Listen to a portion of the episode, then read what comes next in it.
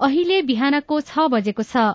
सामुदायिक सूचना नेटवर्क सीआईएनबाट अब प्रसारण हुँदैछ साझा खबर।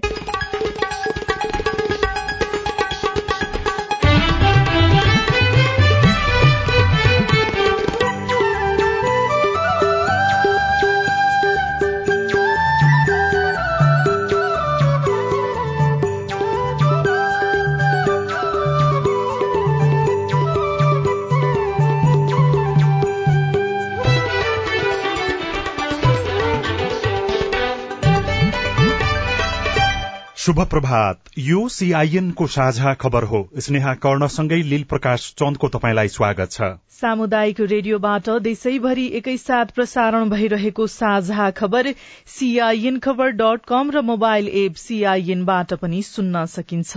आज दुई हजार उनासी साल असोज पच्चीस गते मंगलबार अक्टोबर एघार तारीक सन् दुई हजार बाइस नेपाल सम्बत एघार सय बयालिस कार्तिक कृष्ण पक्षको द्वितीय तिथि।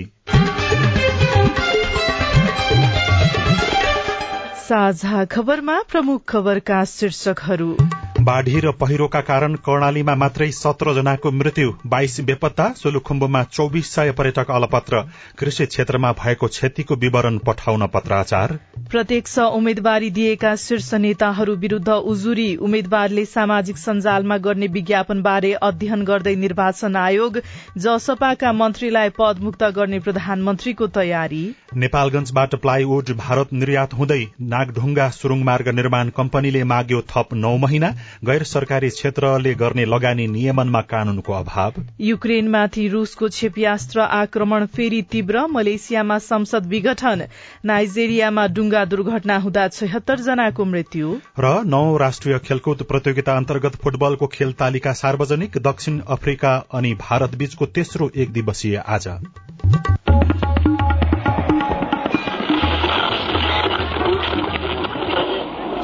रेडियो।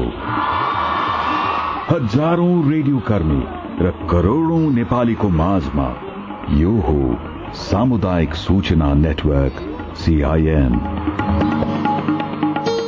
साझा खबरको सबैभन्दा शुरूमा लगातारको वर्षापछिको बाढ़ी र पहिरोका कारण कर्णाली क्षेत्रको जनजीवन प्रभावित भएको प्रसंग। निरन्तरको वर्षापछि खसेको पहिरो बाढ़ीका कारण मुगु कालीकोट र हुम्ला जिल्लामा मात्रै सत्र जनाको मृत्यु भएको छ भने बीस जना भन्दा बढ़ी मानिस बेपत्ता भएका छन्। मुगुको छायानाथ रारा नगरपालिका वडा नम्बर एघार स्थित सालिम गाउँमा पहिरोमा परि आठ जनाको मृत्यु भएको छ भने एकजना अझै बेपत्ता छन्। सालिम गाउँका एकसठी वर्षका हाजिरा भगरी तीस वर्षका होइजाली भगरी सोह्र वर्षका सुस्मिता भगरी बयालिस वर्षका वीर बहादुर ऐडी चौविस वर्षका सत्ता सावत बत्तीस वर्षका कृष्ण सावत सोह्र वर्षका चक्रवीर बोखहोरा र तेह्र वर्षका गौकला बोहराको मृत्यु भएको छ। पहिरोमा परि बेपत्ता भएका एकजनाको खोजी भइरहेको मुगुका प्रहरी प्रमुख सुभाष हमालले सीआईएनलाई जानकारी दिनुभयो। छैन प्रारा नगरपालिका वार्ड नम्बर आठमा चाहिँ हामीले लगभग पचास परिवारलाई चाहिँ त्यो ठाउँबाट स्थानान्तरण गरेर आफन्तको घरमा अथवा नजिकको सुरक्षित ठाउँमा लगेर राखेको अवस्था छ। जुम्लादेखि नै यता जोड्ने बाटो पनि यो पहिरोले गर्दाखेरि नजोडिएको हिसाबले पनि रातको सामग्रीहरू त्यसै गरी यहाँ आउनुपर्ने जानुपर्ने कुनै पनि यातायातको पनि सुविधा अहिले चाहिँ वञ्चित रहेको अवस्था छ। र अहिले चाहिँ पानी रोकिएको हिसाबले पनि थप अब अन्य घटना दुर्घटनाहरू हुँदैन भन्ने मलाई लाग्छ र हामी चाहिँ अहिले पनि आवश्यक समन्वय गरिरहेको छौँ। पहिरोमा परि कालीकोटमा चारजनाको मृत्यु भएको छ भने उन्नाइस जना बेपत्ता भएका छन्। सानी त्रिवेणी गाउँपालिका आठका चौध वर्षका केवुल केसी तिला गुफा नगरपालिका सातका पन्ध्र वर्षका भरत विष्ट तेह्र वर्षका किपेट विष्ट र पचाल झरना गाउँपालिका सातका पैंतालिस वर्षका पुरीलाल बोहराको मृत्यु भएको प्रहरीले जनाएको छ। तिला नदीको किनारमा शव जलाइरहेका बेला घाट माथिबाट खसेको पहिरोमा परि तिला गुफा नगरपालिका चार का वडा अध्यक्ष छप्पन्न वर्षका परबहादुर शाही सहित तेह्र जना मलामी तिला गुफा नगरपालिकाकै अन्य पाँच जना र खाडाचक्र नगरपालिकाको सेरावाड़ा स्थित प्रहरी कार्यालयका एकजना जवान पनि पहिरोमा परि बेपत्ता भएको रेडियो चङखेली कालीकोटले खबर पठाएको छ। हुम्लामा पनि वर्षापछि खसेको पहिरोमा पुरेर एकै परिवारका चार सहित पाँचजनाको मृत्यु भएको छ। लगातारको वर्षाका कारण हुम्लाको जनजीवन प्रभावित भएको छ भने त्यस क्षेत्रमा पुगेका पर्यटकहरू पनि अलपत्र परेका छनृ। लगातारको वर्षासँगै गएको पहिरोले घर छोपिएपछि चङखेल्नी गाउँपालिका वार्ड नम्बर छमा एकै घरका चारजनाको मृत्यु भएको छ। गएको एक सातादेखि परेको अविरल वर्षासँगै माथिबाट आएको ढुङ्गा लागेर ताजकोट गाउँपालिका पाँचका खेमराज ढकालको समेत मृत्यु भएको छ। पहिरोका कारण ताजकोट एकको जनप्रकाश माध्यमिक विद्यालयको भवन भत्केको छ। बाढीले अदानचुली गाउँपालिकाका केही घर भत्किएका छन् भने धेरै घरहरू उच्च जोखिममा रहेका छन्। अदानचुली गाउँपालिका वार्ड नम्बर एक कल्खेका दत्त महतारा। निरन्तर परेको वर्षाले नागरिकको जनजीवन निकै कष्टकर बनाएको छ। वर्षाका कारण चाङ्ला हिमाल घुम्न गएका पाँचजना बेलायती र दुईजना नेपाली पर्यटक चाङ्ला हिमालको बीच लेकमा रोकिएका छन्। वर्षाले प्रभावित भएकाको उद्धार कार्य भइरहेको जिल्ला विपद व्यवस्थापन समिति हुम्लाका अध्यक्ष तथा प्रमुख जिल्ला अधिकारी सीता परियारले बताउनु भयो हुम्लामा बसोबास गर्ने सम्पूर्ण नागरिकहरूलाई सुरक्षित स्थानमा रहिदिनु हुनको लागि लगातारको वर्षाले कर्णालीका अधिकांश जिल्लाहरूमा टेलिफोन सेवा अवरुद्ध हुनका साथै बिजुलीको अभावमा जिल्लामा सञ्चालित सामुदायिक रेडियोहरू समेत बन्द भएका छन्। Navraj Mahatara CIN radio Karnali Aawaj Simkot Humla. पहाड़ी भूभाग र बनोटका कारण पहिरो प्रभावितहरूलाई राहत वितरण गर्न तथा उद्धारमा कठिनाई भइरहेको कर्णाली प्रदेशका आन्तरिक मामिला तथा कानून मन्त्री हिमबहादुर शाहीले सीआईएनसँग बताउनुभयो। डोल्पामा लेक लागेर दुईजनाको मृत्यु भएको छ। पर्यटकको सहयोगी बनेर गएका कर्णबहादुर डाँगी र नरबहादुर विश्वकर्माको लेक लागेर मृत्यु भएको प्रमुख जिल्ला अधिकारी विदनिधि अधिकारीले जानकारी दिनुभयो। यसैबीच मौसम प्रतिकूल हुँदा खुम्बु र रामेछापमा दुई हजार चार सय भन्दा बढ़ी पर्यटक अलपत्र परेका छन्। कोरोना कहरले थलिएको पर्यटन व्यवसाय लयमा फर्कन लाग्दा फेरि मौसमले चुनौती दिएको हो। चार दिनदेखि मौसममा आएको खराबीका कारण उडान हुन नसक्दा लुक्लामा चार सय पर्यटक अलपत्र बनेको लुक्लाका लाक्पा ग्यालजेन शेर्पाले जानकारी दिनुभयो। पर्यटक तेन्जिङ हिलारी विमानस्थल र गोर्सेप क्षेत्रमा पर्यटक मौसम सुधारको पर्खाईमा बसिरहेको बताइएको छ। रामेछापबाट लुक्ला आउनका लागि करिब दुई हजार पर्यटक अझै पर्खाईमा रहेका छन्। यस्तै विगत आठ दिनदेखिको बेमौसमी वर्षाका कारण कृषि तथा पशुपन्छी क्षेत्रमा क्षति पुगेको छ। यो लुम्बिनी प्रदेश सुदूरपश्चिम प्रदेशमा सबैभन्दा बढ़ी क्षति पुगेको कृषि तथा पशुपन्छी विकास मन्त्रालयले जनाएको छ। मन्त्रालयले सातवटै प्रदेशका कृषि मन्त्रालयलाई पत्रचार गर्दै वर्षाका कारण कृषि तथा पशुपन्छीमा परेको क्षतिको विवरण पठाउन आग्रह गरेको मन्त्रालयका प्रवक्ता डाक्टर प्रकाश सञ्जेलले जानकारी दिनुभयो। गत वर्ष पाकिसकेको धान काट्न ठिक्क पारेको तथा कतिपय ठाउँमा काटिसकेको अवस्थामा बाढ़ी आउँदा त्यसमा निकै क्षति भएको थियो।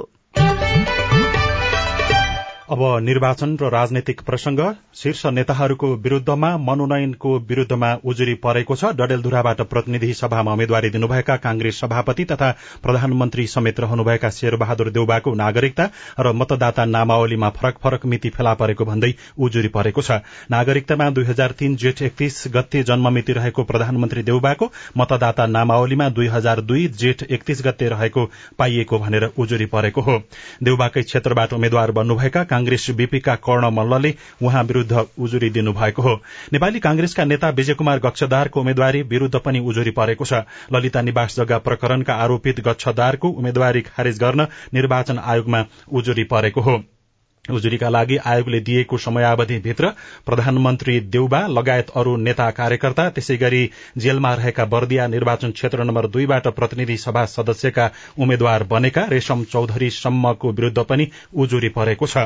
निर्वाचन आयोगले अब उम्मेद्वार विरूद्ध परेका उजुरीको बारेमा आज दिनभरमा अध्ययन गरेर निर्णय लिने सहप्रवक्ता सूर्य प्रसाद अर्यालले सीआईएनसँग बताउनुभयो। हाम्रो एक सय पैँसठी निर्वाचन कार्यालयमा दावी विरोध चाहिँ भएर त्यो दावी विरोधमा अब छानबिन गर्ने कामहरू अगाडि भएको छ त्यही हो। साँझसम्म पाँच बजीसम्म चाहिँ सक्नुपर्छ। यसै गरी मनोनयन दर्ता गराएसँगै उम्मेद्वारहरू चुनावी प्रचार प्रसारमा जुटेका छन्। कतिपय स्थानमा बाघी उम्मेद्वारी परेका कारण राजनैतिक दलहरू त्यसलाई फिर्ता गराउने कसरतमा पनि जुटेका छन्। हरेक जसो शीर्ष नेताले उम्मेद्वारी दिएका स्थानमा स्वतन्त्र उम्मेद्वारहरू प्रतिस्पर्धामा छन् कतिपय स्थानमा केन्द्रमा बनेको गठबन्धन भने भत्किएको छ। नेकपा एमाले भने राष्ट्रिय सभामा एक सीट गुमाएको छ। पार्टीका शीर्ष नेताहरूले टिकट बाँडफाँडमा ध्यान नपुर्याउँदा राष्ट्रिय सभामा एमालेको एउटा सीट गुमेको हो। राष्ट्रिय सभामा एमालेका सचेतक खिमलाल भट्टराईको पद पनि गुमेको छ भने रूपन्देही पाँचमा उम्मेद्वारी दिए पनि उहाँको उम्मेद्वारीले वैधानिकता पाएको छैन। यसैबीच मनोनयन पत्र दर्ता गर्ने क्रममा करिब एक सय जना उम्मेद्वारले जरिवाना तिरेका छन्। गत वैशाख तीस गते सम्पन्न स्थानीय तहको निर्वाचनमा उम्मेद्वार भई खर्च विवरण नबुझाएका उम्मेद्वारहरूले प्रतिनिधि सभा र प्रदेश सभाको उम्मेद्वार बन्न जरिवाना तिरेका हुन्। निर्वाचन आयोगका अनुसार करिब एक सय जना उम्मेद्वारबाट तीन करोड़ पचपन्न लाख पचास हजार रूपियाँ जरिवाना असुल भएको छ। यसैबीच निर्वाचन आयोगले सामाजिक सञ्जालका संचालकसँग सहकार्य गरेर उम्मेद्वारले विज्ञापनमा गर्ने खर्चको निगरानी थालेको छ। यसअघि उम्मेद्वारले सामाजिक सञ्जालमा लक्षित मतदातालाई प्रभाव पार्न गर्ने खर्चको यकिन विवरण प्राप्त नहुने भए पनि मंगिर चारमा हुने प्रतिनिधि सभा र प्रदेशसभा निर्वाचनमा सहभागी हुने उम्मेद्वारले गर्ने खर्चको आयोगले निगरानी गर्न लागेको हो। सामाजिक सञ्जालमा राखिएको सूचना सामग्रीको प्रभावकारी अनुगमन मूल्याङ्कन र नियमनको काम आयोगको सचिवालय र अन्तर्गतका कार्यालय समेतको संयन्त्रले गरिरहेको आयोगले जनाएको छ।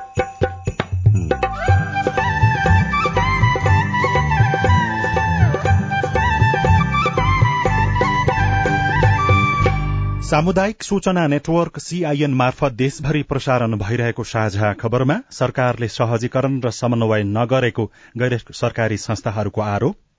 छलफल चलाएर पनि अगाडि बढाउने कुरा हो नि त। यो बारेमा अलिकति सरकार त्यति ओपन आएको छैन। हामी के चाहन्छौँ भने सरकारले नागरिक मैत्री ऐन ल्याओस् जसपाका मन्त्रीलाई पदमुक्त गर्ने प्रधानमन्त्रीको तयारी नेपालगंजबाट प्लाइवुड भारत निर्यात हुँदै लगायतका खबर बाँकी नै छन्। सीआईएनको साझा खबर सुन्दै गर्नुहोला।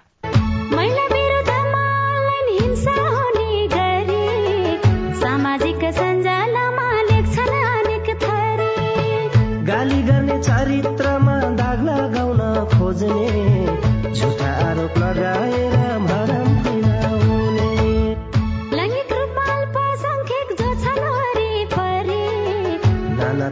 थरी हिंसा गर्छन् होच्याउने गरी नजिस्काउनु शरीर र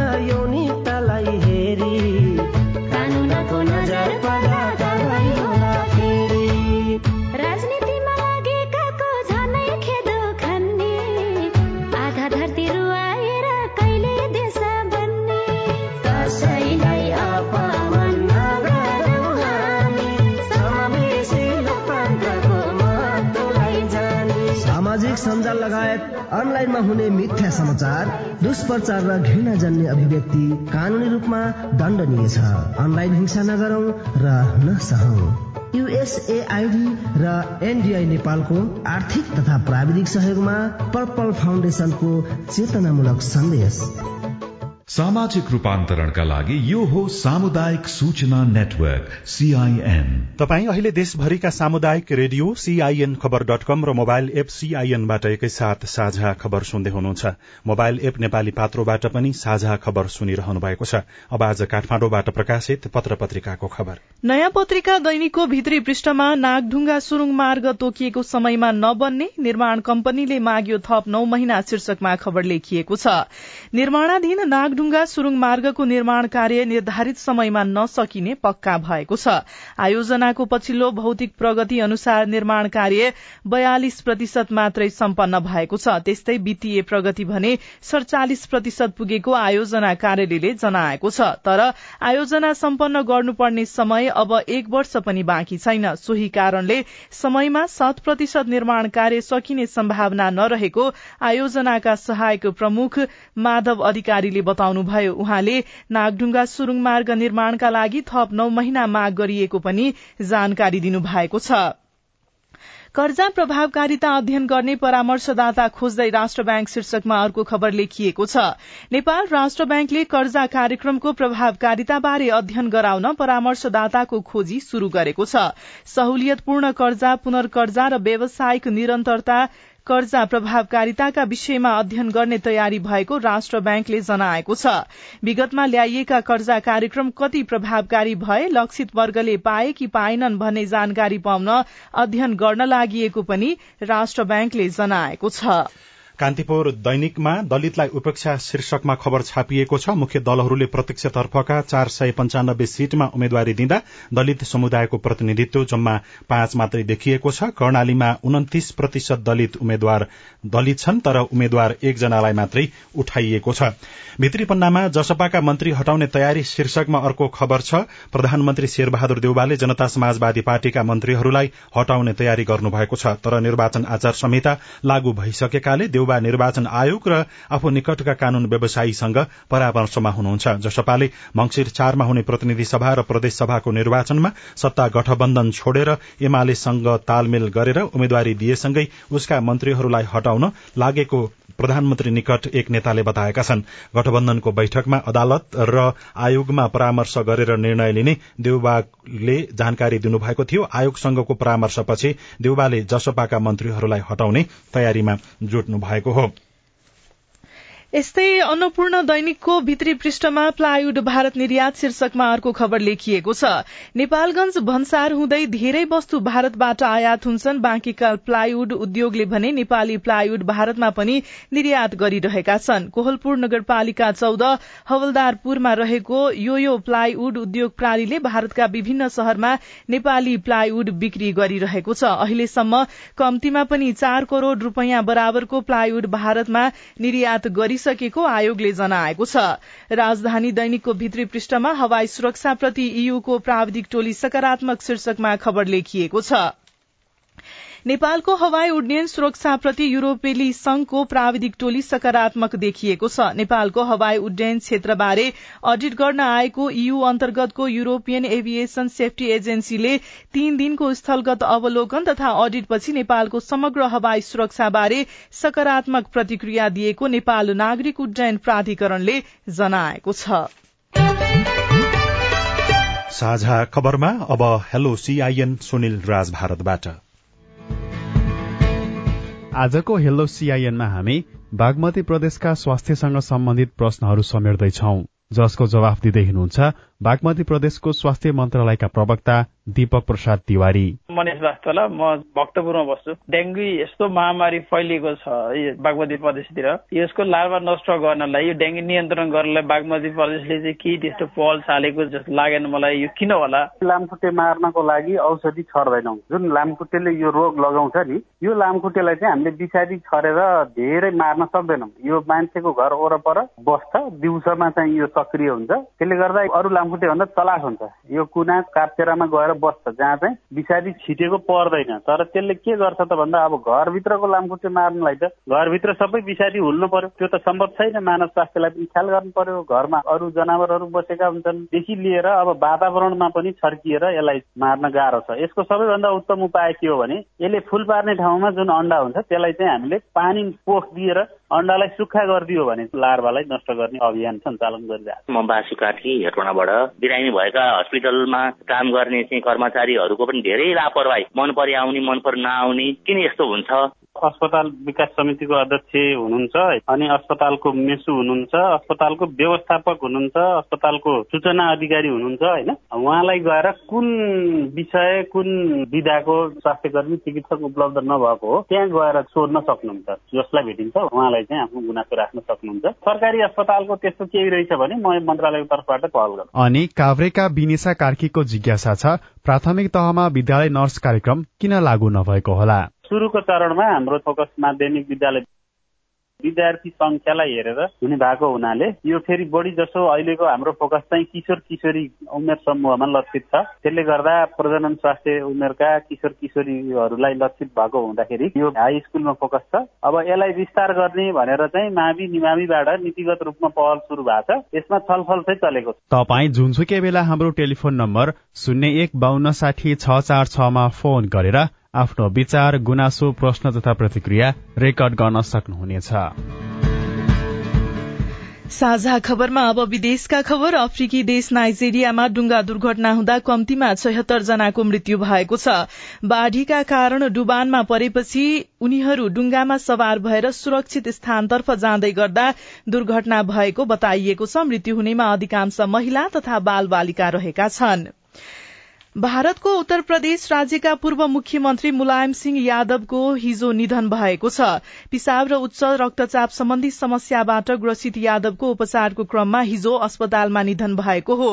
उहाँको आज राजकीय सम्मानका साथ अन्त्येष्टि गर्ने तयारी गरिएको छ। मलेसियाली प्रधानमन्त्री इस्माइल साब्री याकोबले संसद विघटनको घोषणा गर्नु भएको छ। हिजो संसद विघटन गर्दै उहाँले साठी दिनभित्र मध्यावधि निर्वाचन हुने घोषणा पनि गर्नु भएको हो। र रूसी फौजले युद्धग्रस्त युक्रेनी राजधानी किव सहित विभिन्न शहरमा आक्रमण पुनः तीव्र बनाएको छ।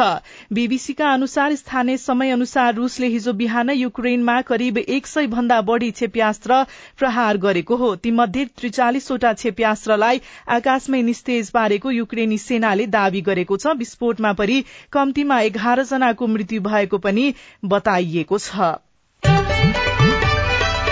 अब खेल खबर नौ राष्ट्रिय खेलकुद प्रतियोगिता अन्तर्गत फुटबलको खेल तालिका सार्वजनिक भएको छ। पर्सीबाट पोखरा रंगशालामा शुरू हुने पुरूष फुटबलमा सहभागी एघार टोलीलाई चार समूहमा विभाजन गरिएको हो। समूह एमा एनआरएनए प्रदेश नम्बर एक र गण्डकी प्रदेशन भने समूह बीमा बागमती मध्य प्रदेश र सशस्त्र प्रहरीको एपीएफ रहेका छन्। त्यस्तै समूह सीमा लुम्बिनी प्रदेश नेपाली सेना र नेपाल पुलिस क्लब छन् भने समूह डीमा कर्णाली र सुदूरपश्चिम प्रदेश परेका छन्।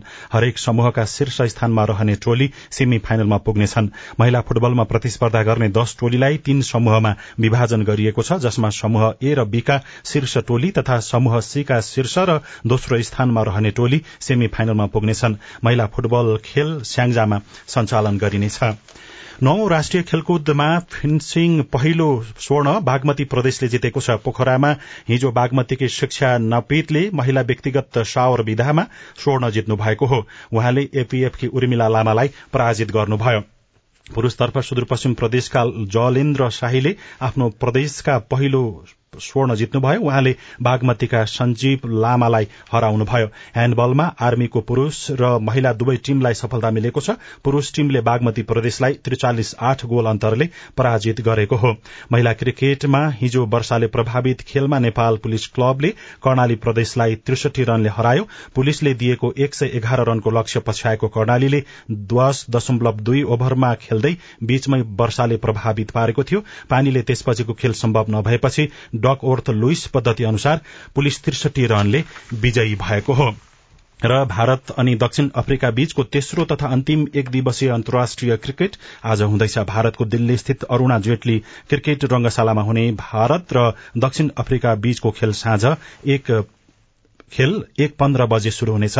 तीन खेलको एक दिवसीय अन्तर्राष्ट्रिय सिरिजमा भारत र दक्षिण अफ्रिका एक एकको बराबरीमा छन्। आवश्यक ऐन कानून नहुँदा गैर सरकारी क्षेत्रको नियमनमा समस्या। रेडियो रिपोर्ट स्वस्थ जीवनशैली सम्बन्धी सन्देश। अरू खबर र कार्टुन पनि बाँकी नै छ। सीआईएनको साझा खबर सुन्दै गर्नुहोला। रोमा दिदी। फेरि चुनाव लागे जस्तो छ नि कताको यात्रा हो? तल चौतारीमा आज सबै पार्टीका अध्यक्षहरू आउने रे। महिलालाई टिकट देऊ भनेर दबाब दिन हिँडेको। भनेपछि महिला उम्मेद्वारको पक्षमा महिलाको र्याली अनि दिदी महिलालाई उम्मेद्वार बनाउन तयार हुन्छन् त पार्टी र पुरुष नेताहरू? संविधानले तेत्तीस प्रतिशत महिला सहभागिता गराउनु पर्ने भनेको छ। त्यसैले अब महिला उम्मेद्वारलाई मतदान गरी जिताउनु पर्छ क्या? अनि महिला नै किन? पहिलो त जनसङ्ख्याको आधारमा हाम्रो प्रतिनिधित्व हुने कुरा लोकतन्त्रको आधार हो र हाम्रो अधिकार पनि। अर्को महिलाले जितेमा महिला र अन्य पछाडि पारिएका समुदायको मुद्दा सम्बोधन नीतिगत व्यवस्था र कार्यान्वयन प्रभावकारी हुन्छ। सुन्या होला नि जसको सवाल उसकै नेतृत्व। अनि सुन्नु त महिला उम्मेद्वार उठेपछि उनीहरूका घोषणा पत्रमा महिलाका लागि के के विषय राख्ने भन्ने बारे पनि यस्तै खबरदारी गर्नुपर्छ। घोषणा पत्रले महिलाको सवाल समेट्न सक्यो भने पो हाम्रा मुद्दा अगाडि आउँछन्। नेताहरू उत्तरदायी हुन्थे र हामी महिलाहरूलाई पनि भोट दिम दिम लाग्छ नि। महिला उम्मेद्वार उठेपछि महिलाका लागि के के कुरा चाहिन्छ भन्ने बारे त फेरि हामीले नै सुझाव दिने हो क्या? आगामी मंगिर चारको प्रतिनिधि र प्रदेश सभा निर्वाचनका लागि संविधानको व्यवस्था अनुसार महिला उम्मेद्वारलाई मतदान गरौं। महिला पुनस्थापना केन्द्र ओरेक नेम्स केयर नेपाल र सामुदायिक सूचना नेटवर्क सीआईएन सामाजिक रूपांतरण का लागि यो हो सामुदायिक सूचना नेटवर्क सीआईएन साझा खबरमा अब गैर सरकारी क्षेत्रको गुनासो।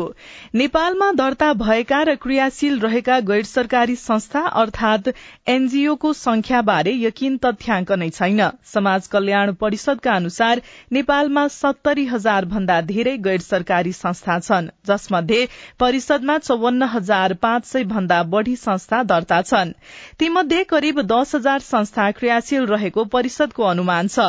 स्वास्थ्य शिक्षा रोजगारी उद्यम उद्यम लगायत विभिन्न क्षेत्रमा क्रियाशील यस्ता संस्था नागरिकको जीवनस्तर उकास्न क्रियाशील छन्। तर सरकारले सिद्धान्तमा विकासका साझेदार भने पनि व्यवहारमा भने प्रतिस्पर्धीको जस्तो व्यवहार गरेको गैर सरकारी संस्थामा आबद्ध भएकाहरू बताउँछन्। एकीकृत समाज विकास केन्द्र नेपाल कैलालीका अध्यक्ष देवी खनाल अठार वर्षदेखि गैर सरकारी क्षेत्रमा क्रियाशील हुनुहुन्छ।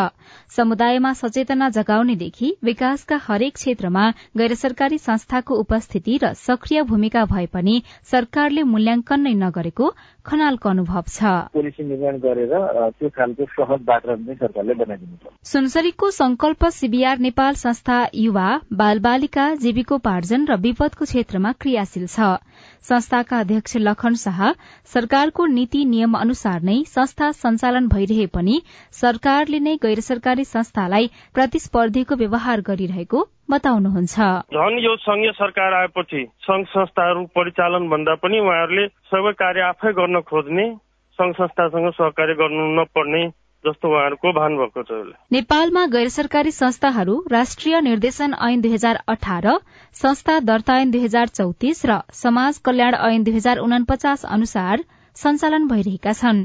यी तीनवटै ऐनलाई एकीकृत गरी सामाजिक विकास ऐन ल्याउनु पर्ने र एकद्वार प्रणाली अपनाउनु पर्ने गैर सरकारी क्षेत्रको माग छ।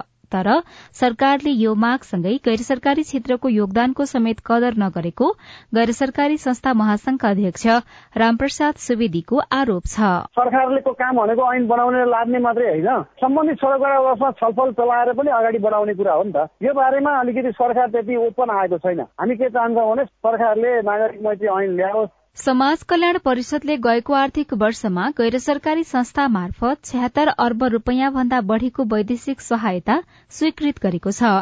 परिषदले देशभित्रका गैर सरकारी संस्थाको नियमन गर्ने भए पनि गैर सरकारी क्षेत्रको योगदानको मूल्याङ्कन गर्ने प्रष्ट व्यवस्था भने नभएको परिषदका प्रवक्ता संजय कुमार मल्लिक बताउनुहुन्छ। सरकारको नीति चाहिँ वान डोर पोलिसी अनुसार सञ्चालन गर्ने नीति छ। त्यो अनुसारले अहिले समय सापेक्ष त्यो अनुसारको एन आउनु पर्यो। त्यस अनुसारको जनशक्ति र इन्फ्रास्ट्रक्चरको लगानी भयो भने गैर सरकारी संस्थाबाट गरिएको कामलाई प्रभावकारी रूपमा देखाउन सकिन्छ। सिविनका पूर्व अध्यक्ष तथा अधिकार कर्मी गौरी प्रधान पनि गैर सरकारी क्षेत्रको योगदानलाई मूल्याङ्कन गर्ने सरकारको नीति नै कमजोर भएको दावी गर्नुहुन्छ। ट्याक्स ड्याट लगायतका विषयवस्तुहरू थोपर्ने लगायतका जुन कामहरू भइराखेको छ सामाजिक संघ संस्थासँग सहकार्य गर्ने दृष्टिकोण त्यस्तो होइन कि। जुन कामहरू राम्रो देखेको छ तिनीहरूलाई चाहिँ सहयोग गर्ने सहजीकरण गर्ने कामहरू हुनुपर्ने हो। सरकारको ध्यान पुग्न नसकेको र ध्यान पुगेर पनि काम गर्न नसकिरहेका क्षेत्रको विकासमा सक्रिय गैर सरकारी संस्था र सरकार बीच कटुता नभई हातेमालो आवश्यक देखिन्छ। उषा तामाङ सीआईएन काठमाडौँ। रिपोर्टसँगै हामी साझा खबरको अन्त्यमा आइपुगेका छौं। सामुदायिक रेडियो प्रसारक संघद्वारा संचालित सीआईएनको बिहान छ बजेको साझा खबर सक्नु अघि तपाईँको स्वस्थ जीवन शैलीसँग जोडिएको एउटा सन्देश मुटु स्वास्थ्यका लागि घिउ खाँदा के के फाइदा हुन्छ? हामीले खाने गरेको घिउ हामीले खाने गरेको तेलले शरीरमा कोलेस्ट्रोल बढाउने भनेको दसदेखि बिस प्रतिशत मात्रै हो। अस्सीदेखि नब्बे प्रतिशत चिल्लो हाम्रो शरीरले राम्रोसँग पचाउँछ। र यदि त्यो घिउ र तेल शुद्ध रहेछ भने त्यसले एकदमै गुणकारी तत्व पौष्टिक तत्व शरीरलाई रक्षा गर्ने तत्व प्रदान त्यसैले घिउ खान डराउनु पर्दैन। खालि हामीले मात्रा थाहा पाउनुपर्छ। त्यो मात्रा कति हो त भन्दाखेरि मात्रा भनेको एक चम्चा दैनिक। तपाईँले नडराइकन शुद्ध घिउ एक चम्चा दैनिक मुटुको स्वास्थ्यको लागि मुटुलाई बलियो बनाउनको लागि शरीरलाई स्वस्थ बनाउनको लागि खान सक्नुहुन्छ। तपाईँलाई त्यसले मुटुमा कुनै पनि आघात गर्दैन।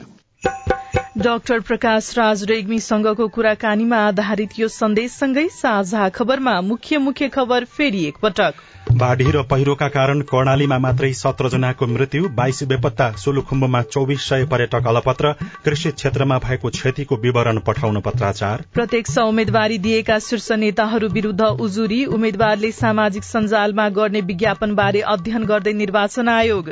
जसपाका मन्त्रीलाई पदमुक्त गर्ने प्रधानमन्त्रीको तयारी। नेपालगंजबाट प्लाइवुड भारत निर्यात शुरू नागढुङ्गा सुरुङमार्ग निर्माण कम्पनीले माग्यो थप नौ महिना गैर सरकारी क्षेत्रले गर्ने लगानी नियमनमा कानूनको अभाव। युक्रेनमाथि रूसको क्षेप्यास्त्र आक्रमण फेरि तीव्र। मलेसियामा संसद विघटन नाइजेरियामा डुङ्गा दुर्घटना हुँदा छयत्तर जनाको मृत्यु। र नौ राष्ट्रिय खेलकुद प्रतियोगिता अन्तर्गत फुटबलको खेल तालिका सार्वजनिक। दक्षिण अफ्रिका अनि भारत बीचको तेस्रो एक दिवसीय आज।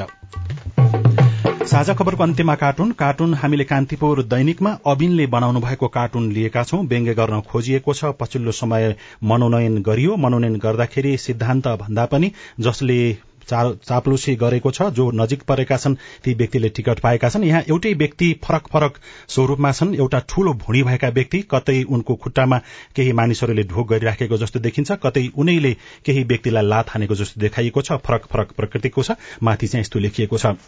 ढोकतन्त्र जतिलाई टिकट जिन्दाबाद बुबा आमा त्यसै गरी पतिदेव बोकतन्त्र जिन्दाबाद अनि सिद्धान्तवालालाई चाहिँ ठोकतन्त्र जिन्दाबाद। हवस् त प्राविधिक साथी सुनिल राज भारतलाई धन्यवाद। अहिलेलाई लील प्रकाश चन्द्र स्नेहा कर्ण विदा भयो। तपाईँको आजको दिन शुभ होस् नमस्कार। यसपछि देशभरिका सामुदायिक रेडियोबाट कार्यक्रम संवाद प्रसारण हुनेछ। सुन्ने प्रयास गर्नुहोला।